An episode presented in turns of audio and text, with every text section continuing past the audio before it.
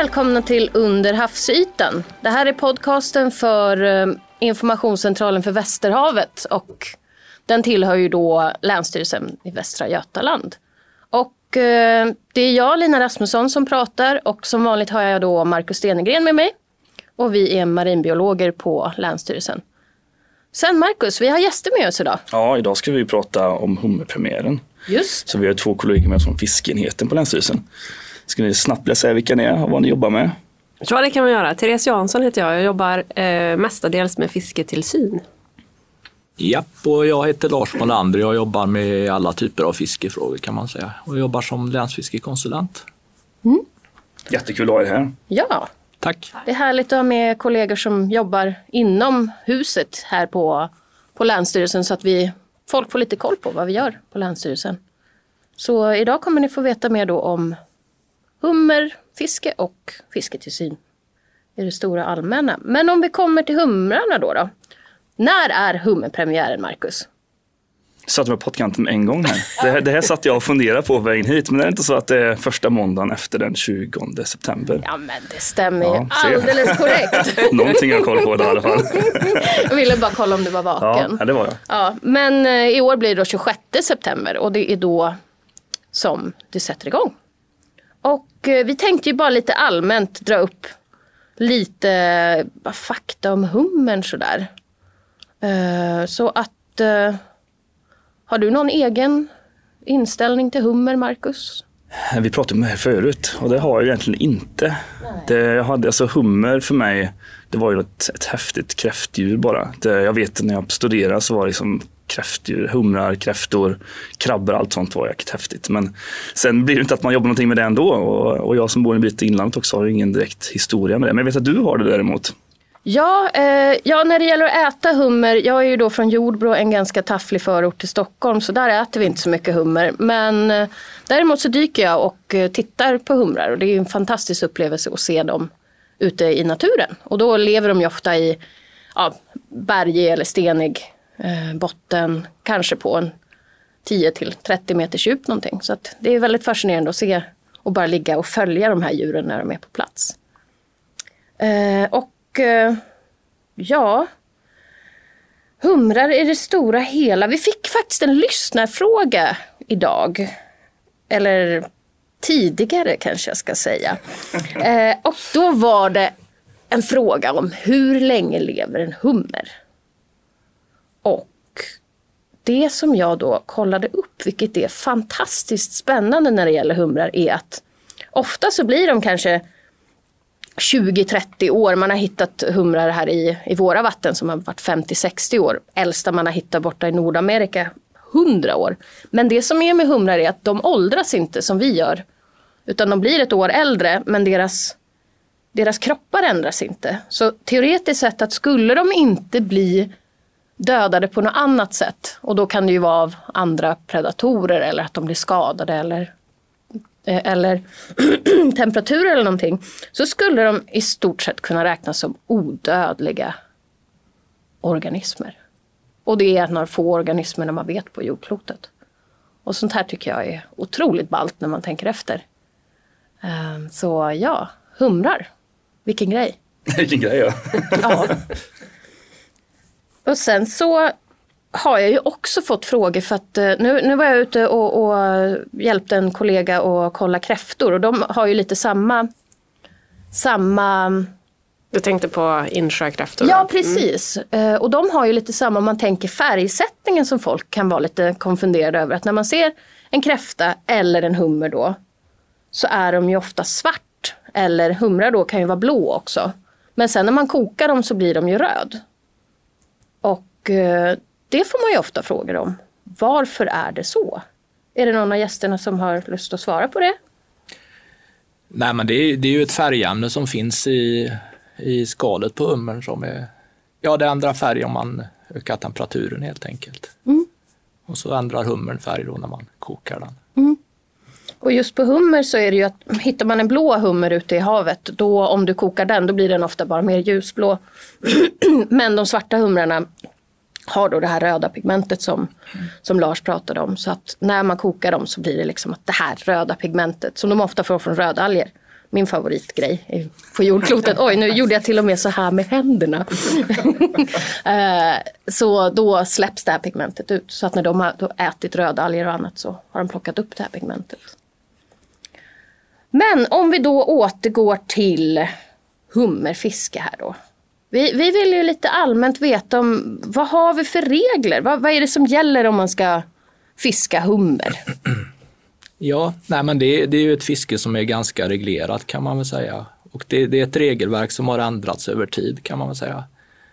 Ehm, och det som gäller i dagsläget är att hummern ska vara 90 millimeter och då mäter man från ögonsköldens, eh, ögonsköldens bakkant till ryggsköldens bakkant. Ögonhålan ska jag säga. Då ska det vara 90 millimeter där. Eh, och man får bara fiska hummer med någonting som heter hummertinor då. Och i en hummertina så ska man ha två flyktöppningar i nedre kanten på varje rum och de ska vara minst 60 millimeter. Sen en sak som är, kan vara lite besvärlig det är att man ska ju märka redskapen också och se till så att märkningen syns ordentligt. Och det man ska märka, utmärka redskapen med det är namn och adress eller namn och telefonnummer. Man kan även märka med ett registreringsnummer som man har fått av Länsstyrelsen tidigare. Och då ska jag säga det att vi delar inte ut några nya registreringsnummer utan har man ett gammalt nummer kan man fortsätta fiska med det. Men annars är det namn och adress eller namn och telefonnummer som gäller. Så ska man även ha med ett, ett stort F som står för fritidsfiske. Jajamän. Det är viktigt också. Ja. Och, och den här, äh, det här måttet ni pratade om, den, det brukar kallas för ett Karapax-mått. Och det vill jag bara nämna för att det här är ett suveränt ord om man håller på med korsord eller liknande eller en word feud, att man kan slå folk på tassarna lite. Det stavas med ett C i början och X i slutet. Ja. Så det vill jag gärna bjuda på. Sen ska man väl, väl säga det också att man får bara fiska hummer med hummertina. Får man hummer i något annat redskap så, så måste man släppa tillbaka hummern helt enkelt. Och allmänheten får ju fiska till, sist, till och med sista november. Från, som du sa, första måndagen efter 20 september till och med sista november. Just det. Yrkesfisket får fiska en månad till efter det. S- Sen en viktig ytterligare sak som jag inte tror jag nämnde, det är att man får inte ta upp någon hummer med yttre rom. Det är honor som har rommen på utsidan helt enkelt och det syns, syns tydligt under hummern. Så de ska man släppa tillbaka direkt. En följdfråga, det finns någon speciell anledning till varför just den 26 september är dagen som man kör hummerpremiären här. Jag vet att Norge hade väl 1 oktober. Har du någon, någon bra förklaring till det? Nej, egentligen inte. Är det rent historiskt, kulturellt, det är så man alltid Ja, men jag tror det. Sen har ju fisketiden för hummer, den har ju ändrats över tid också. Så att det, nej, jag, jag vet faktiskt inte varför det är just det. Men just att det är ett premiärdatum, det gör ju att det blir lite extra intresse i media och så. Så att det, det bidrar ju till intresset säkert. Absolut. Det har blivit lite av ett jippo. Det har vi Jajamän. grävt lite grann i, jag, du och jag Lina också. Ja. Och har du... Det brukar ju vara lite som, som med andra saker vi har här. Första sparrisen, första jordgubbarna, första eh, nyperan, alltså eh, nypotatis eh, som det heter på svenska. Eh, förlåt, jag är inte bara jordbruksbarn, jag är också halvjämte. Eh, men om vi tänker på första hummern, då, då brukar det vara ett auktionsjippo. Har du några har du några uppgifter Marcus på? Vad, vad brukar den första hummern gå för? Ja, det, det, det var en, en spännande utveckling och det var någon, det här vi var lite inne på. Just hur det har kunnat bli en så stor grej och det är ju rätt nyligen också man ser till ja, relativt sett då, men från 2006 var det va, som, som första hummen låg på ett kilo då, eh, på, eh, vad var det, runt ett och ett halvt tusen kronor ungefär. Och sen till att landa på, var det förra året, på 77 000 kronor för ett kilo. Och det absoluta rekordet var väl en 100, 102 000 kronor. Det, det är anmärkningsvärt då, givetvis. Och eh, det är ju krögare som helt enkelt köper de här fiskeköken här i, i Göteborg. Då. Ja, då är det ju nästan uppe i samma priser som de här bilarna som kallas för hummer också. Nej, inte riktigt. Det är glassigt. Men det brukar väl också vara så att det går till något välgörande ändamål. Ja. De pengarna. Så det är ju... Det, har du någon inside information på det? Vad, vad har det gått till? Nej, på det kommer jag inte ihåg. Men jag vet att det brukar skänkas Ja. någonstans. Det är inte bara en massa pengar som slängs ut på den här hummen i alla fall. Det går till någonting bra också. Ja. Det är svarta guldet. Yes, och, och vi pratar ju lite om regler här. Um, Havs och vattenmyndigheten kommer ju komma med lite nya regler för just den här säsongen. Jajamän, ja, men det, det stämmer bra. Och det, det, kommer att bli ett krav på att man ska ha Eh, man ska skydda burarna så att de inte spökfiskar helt enkelt. Då ska man ha en hummertråd som är förlåt, en bomullstråd som är maximalt 3 millimeter. Eh, och den vittrar sönder efter någon månad i saltvatten och då kommer buren öppna sig och, och buren kommer inte att spökfiska. Sen kommer det även att komma lite nya regler när det gäller sumpning av hummer. Tidigare har det ju varit så att det inte har funnits någon regel eh, om att man inte får ha hummer med yttre rom i en sump. Nu kommer det komma en regel att man omedelbart ska släppa ut en hummer som har yttre rom i, i sumpen. Mm. Det kan vara så att hummern bildar rommen i sumpen så att det, man behöver inte ha begått något lagbrott men det täpper till ett hål i lagstiftningen kan man säga så att det blir, blir tydligare helt enkelt. Och för de som inte riktigt vet det här med, med, med sumpen, vad, ja, vad innebär ja. det? Nej, men det, man kan väl säga att det innebär att man levande förvarar hummern i väntan på att man ska ja, koka den helt enkelt och använda den. Mm. Och förut har man ju kunnat ha den i sump tills maj, är det inte så? Jo, eller sista april. Sista april, ja, ja. precis. Men från och med i år så måste man, eller så är sista, så kan man sumpa fram till sista januari. Mm. Det var en betydande skillnad i ja. tid. Och de här nya reglerna, vad, har vi sett att det är en stor nedgång av hummerbeståndet på västkusten eller eh, varför skyddar vi hummern mer om man säger så? Varför blir det strängare regler? Man har väl sett att det har varit en nedgång men sen så de här eh, vissa regler kom ju 2017 och sen tror jag inte riktigt man har utvärderat om det har, hur, och hur det har påverkat bestånden. Mm. Nej, precis. Nej, sen, sen det här med spökfiske, det är ju ett fullständigt onödigt problem. Det är, det är ju så enkelt att bara ha en tråd som vittrar efter en tid i saltvatten. Så, mm. så har man inget problem och det, det, är många som gör det här frivilligt också, har en sån här tråd helt enkelt. Men nu blir det ett lagkrav och det, det är jättebra. Mm. Och, och spökfiske, vad, vad innebär det och, och, hur, hur stort problem är det? Vad är det största problemet? Är det hummerfisket eller är det fiskenät i det stora hela som ligger då? Jag skulle säga att på västkusten så är det burar som är problemet. Ja. Vi, inte, vi har ju inte så mycket nätfiske längre. Så att det är, för vår del så är det huvudsakligen burar. När det gäller fisket i Vänern så kanske det är mer nät det handlar om som, mm. som spökfiskar. På, eh, på västkusten så blir det väl också mer påväxt vilket gör att nät och sånt eh, kollapsar lite snabbare. Mm. Om det nu. Men det är inte så mycket nätfiske, det har ju gått ner. Mm. Så. Ja, och skulle man vara intresserad så, så, finns det ju möjligheter. Det finns ju olika frivilligorganisationer som håller på och bärgar spöknät och hummertiner och så. Och jag har gjort det för någon kompis som har tappat hummertiner men det är en väldigt bra sak om man kan försöka få upp de här då från botten så att de inte ligger. För de fångar ju inte bara humrar och det är ju krabbor och torsk och allt möjligt som fastnar i de här. Ja, och så vittrar det och så blir det plast i havet också. Ja, precis.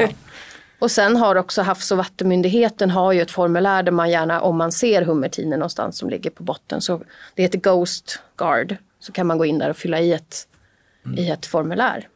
Och det spelar ingen roll om det är nytappade eller om det är tinor som legat länge.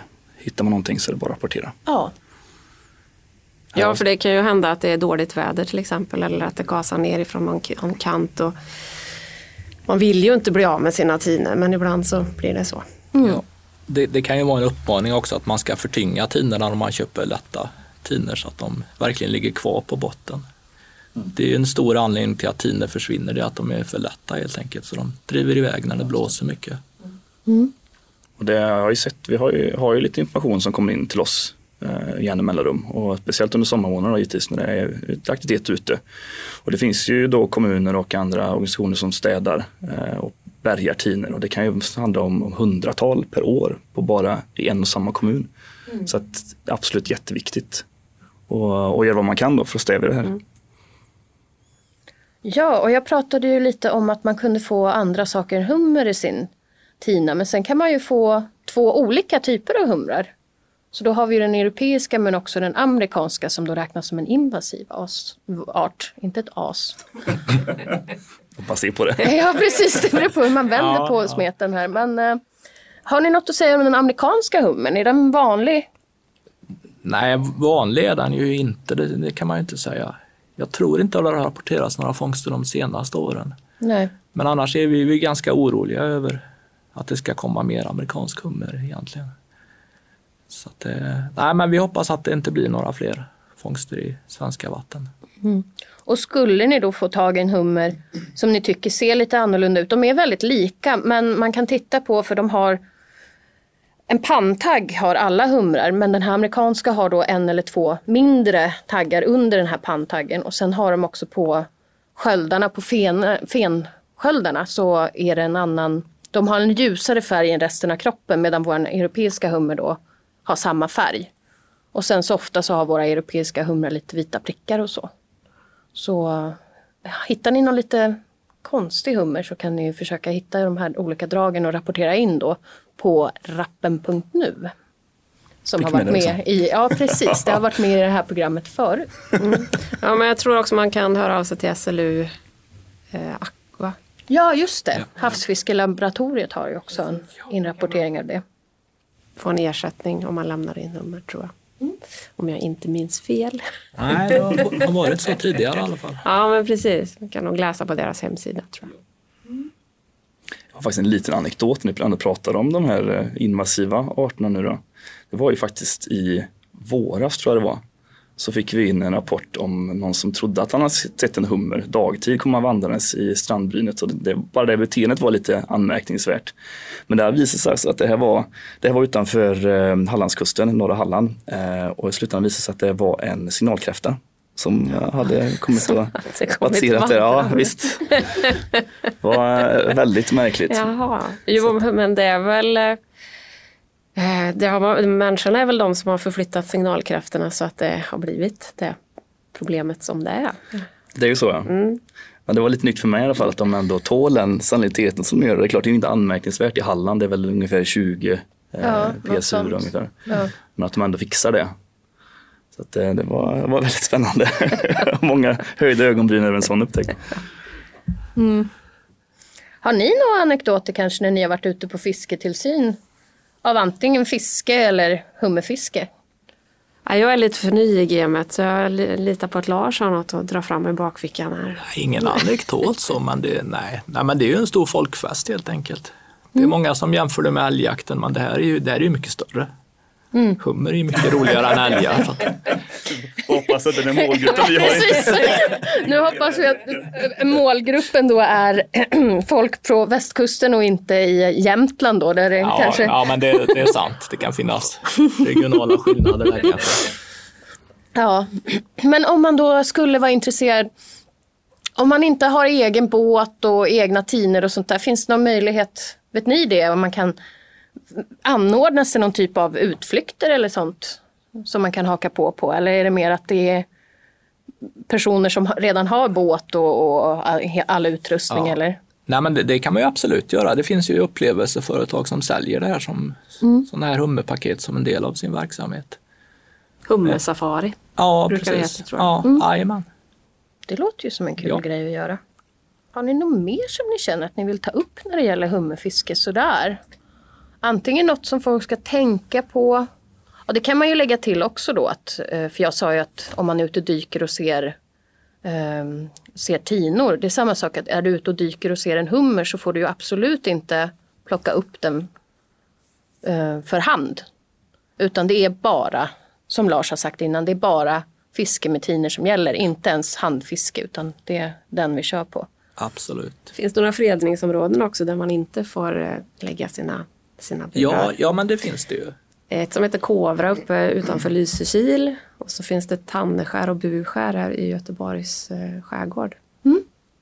Mm. Sen, sen finns det ett par områden inne i, innanför Orust också där man inte får fiska hummer. Även i norra Bohuslän så har vi några nya fredningsområden också. Men, men en allmän uppmaning kan ju vara att man tänker på säkerheten när man är ute på sjön också. Blåser det för mycket så ska man inte gå ut. Då får hellre tinorna ligga en dag. Så får man ta dem nästa dag helt enkelt. Och eh, information om regler och så, det är ju ganska lätt att hitta det. Det finns ju på Svenska fiskeregler, det finns på HaVs webbplats och det finns på Länsstyrelsens webbplats också. Det finns en liten fin broschyr som vi har gjort med hummer. Ja, regler och lite historia om hummerfisket också. Ja, och sen har vi ju även en folder där alla fiskeregler i havet är samlade. Som vi kommer att uppdatera med de nya reglerna naturligtvis. Mm. Ja, men det låter jättebra så att då vet ni alla som lyssnar att vill ni veta mer så kan ni uppdatera er både med de nya reglerna från Havs och vattenmyndigheterna men också i allmänhet vad, vad som gäller. Så det är mycket bra, jättebra att veta. Mm. Eh, Marcus, har du någon? Någonting? Någonting. Kom med någonting. ja, alltså nu var ju inte hummerfiske riktigt eh, min specialitet. Men nu har vi i alla fall eh, avverkat en del av det här och har fått reda på vad vi kan ta med information och lite sådär då. Och jag hade ju ett önskemål innan här om att veta lite mer generellt om, om fiske på skaldjur inte bara hummer. Mm. Så jag tänkte vad, vad, vi skulle kunna ta upp lite grann om det. Då. Vi har ju mer skaldjur givetvis än hummer. Vad, kan ni säga någonting lite grann om, om vilka fisken som bedrivs på västkusten? Tänker du kommersiellt eller tänker ja, du ja, det, Du får gärna ta både och. Nej, men vi har ju ett eh, stort kräftfiske som är kommersiellt. Med, mycket med trål och, eh, men även med bur, burar för att eh, fånga havskräfta till exempel. Och det kan man göra som privatperson också. Då ska man tänka på att man bara får ha sex stycken burar. Och så ska man fiska djupare än 30 meter. Jajamän. Det är precis samma när det gäller hummerfiske. Det är sex burar som gäller där också. Då, så det, mm. det är tydligt för alla. Så havskräftorna är då i ett helt annat habitat? För de är väl mer eh, på, på mjukbottnar medan hummer då är mer hårdbotten och, och sten och så? Ja absolut. Sen tror jag som fritidsfiskare så är det nog krabba som man kanske försöker att få en och annan under sommaren. Så. Och då ska man också ha, eh, tänka på att man, ja dels är det sex stycken eh, redskap då, men sen är det också att man ska ha flyktöppningar som är 75 millimeter. Mm. Blir det rätt nu Lars? Ja, det ska det bli. En, en, en flyttöppning ja, en. ja, i varje kammare. Precis. Mm. mm. Och samma med märkning och sådana saker också. Och när du säger krabbar då, då är det krabbtaskan det handlar om? Ja, precis. Ja. Det är krabbtaskan. För det, vi har ju fått en del frågor ibland om, om strandkrabban, om den går att käka. Ja, men det tror jag att den gör. Ja faktiskt. Ja, mm. det är, de är ganska små förvisso jämfört med krabbtaskarna så det, kan, det är mycket jobb för, för lite avkastning mm. i och för sig men det, är, det har ju aktualiserats ganska mycket i och med alla de invasiva arterna. Mm. Det blåskrabbor framförallt då. Så att, eh, det tror ni kan vara en, en framtid då kanske och ja, men jag vet, utnyttja det här på. Eh, ja, nej, men jag vet uh, yrkesfiskare tror jag som testar lite det här med, med uh, vanliga strandkrabbor. Men då, måste man, då ska man ju ha någon som vill köpa det också. Det är så, mm. så är det, absolut. Ja, ja, men precis. För ibland kan man ju se strandkrabbor som är riktigt stor. Så man nästan tror ibland att det är en annan art än de man är van vid att se just i havsbrynet. I alla fall om man är mm. ute lite djupare. Och sen kan man ju alltid koka buljong på dem, tänker jag. Om man vill. ja, ja. Alltså, om man vill göra det. Ja, det mesta i havet går att äta, det är så. Ja, men precis. Och hur är det med, med räk? Räkindustrin i Sverige? Har vi någon, någon fiske på, på räkor eller är det mest från Norge nu för tiden? Nej, vi har ett ganska stort fiske efter ja. räka i Sverige och då är det ju fiske med trål då. Så, som den fiskas. Mm. Så att det, nej, men det är ett viktigt, viktigt fiske för svenska yrkesfisket. Mm. Det, det, är ju samma med hummerfisket. Det är ju väldigt viktigt för det småskaliga kustfisket även om det är en kortare period på året som, som det fiskas. Mm. Fiskar man räkor året om då? Ja, det, det kan man göra. Mm. Även havskräfta kan man ju fiska året om då. Mm. Men, men inte hummer som sagt. Nej men vad bra.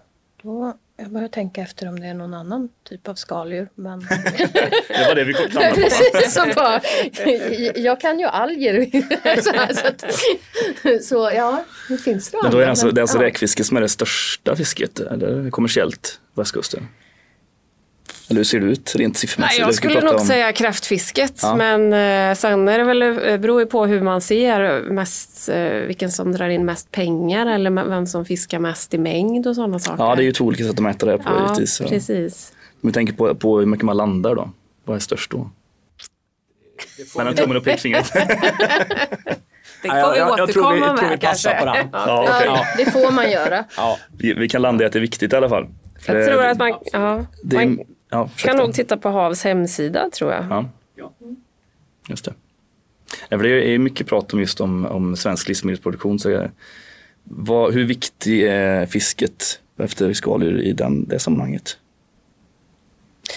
Alltså det är ju ett litet delikatessfiske också tänker jag, Ja. får man ju komma ihåg. Mm. Det är ju fin, finmaten vi fiskar. Ehm, så. Mm. Men kräftfisket är ju eh, basfiske. Kan, skulle jag säga. I det, i svensk, på västkusten då såklart. ja det, det kan man väl säga. Sen är det ju en del som fiskar sill. Det är ju större volymer det handlar om, men det är ju betydligt många fler fiskare som fiskar havskräftor än det som fiskar sill om man säger så. Så att det, det är viktigt för väldigt många fiskare. Både kräfta och räka. Då. Hur ser ni annars framtiden när det gäller utmaningar och möjligheter för? Är det något speciellt som tar man fram nya tekniker eller något eller ser det ut som man fortsätter med tinor? Ja, men det tror jag absolut. Sen tror jag nog att regelverket kommer att utvecklas över tid. Det har det ju gjort hittills. Och s- som det har varit tidigare så har ju eh, hummerbeståndet har ju i princip varit bestämt av fisketrycket och det, så behöver det ju inte vara egentligen. Eh, utan med ett bra regelverk så kan man ju fiska mer hummer helt enkelt. Ja, men nu börjar jag känna att jag kan Ska vi avrunda ganska med, mycket. med, med tillsynen kanske? Vi pratade lite grann om det. Eh, lite grann hur det går till. Om ni snabbt vill, vill förklara vad, vad ni gör för någonting när ni är ute på tillsyn. Så vad gör vi? Nej, men vi åker ut, eh, det är ju, eh, då åker vi ut och så tittar vi, vi lyfter på lite, lite burar och sånt som ligger ute. Tittar så att det finns det är korrekt märkning och att det finns eh, flyktöppningar som det ska göra i det fisket. Och om det då inte är korrekt, vad, vad, vad har det för konsekvenser? Att det beror lite på vilken typ av fel det är på, men det kan ju leda till en polisanmälan. Viktigt att det blir korrekt med andra ord. Då. Ta med sig från det här avsnittet. Ja men precis. Mm. Och um, som sagt med det så hoppas jag att eh, folk hinner lyssna på det här innan själva premiären så ni har lärt er lite nytt. Och eh, ja, sen ska vi ju... Känner vi att vi har tömt ut allting nu eller är det någon som har något mer att lägga till? Eller? Känner- ni sitter har känt att ni sitter och behöver håller berätta in nu. i att det här måste få komma ut annars så... Nej, jag tänker så här att man ska titta efter vart man är så man är på rätt ställe, tänker jag. Ehm, Så att man inte är i något förbudsområde. Alltså, att man har rätt märkning och korrekta flyktöppningar och det som behövs, tänker jag. Och att man eh, kommer tillbaks till kajen igen. Ja, lite sjövett är alltid Lite bra. sjövett är alltid bra att ha med sig. Ja, Ja. Precis. Ja men härligt. Eh, Då tackar vi så hemskt mycket för att ni kom och gästade oss här i podden. Tack själva. fint att ha er med. Och eh, det här var ju avsnitt sju. Nästa gång så ska vi ju spela in logiskt sett avsnitt åtta. Vad Absolut. kommer det handla om Marcus? Då ska vi ju prata lite grann om eh, kustexploatering och vad man behöver tänka på om man ska angöra en brygga eller anlägga en brygga. Så då kommer vi få lite mer inhouse-sällskap här. Det blir trevligt. Precis. Och eh, fram till dess så ja, vill vi tacka för oss. Hoppas ni har haft en bra lyssning och vi hörs helt enkelt avsnitt åtta. Ha det så fint till dess. Hej då! Hej då! Hej då! Hej!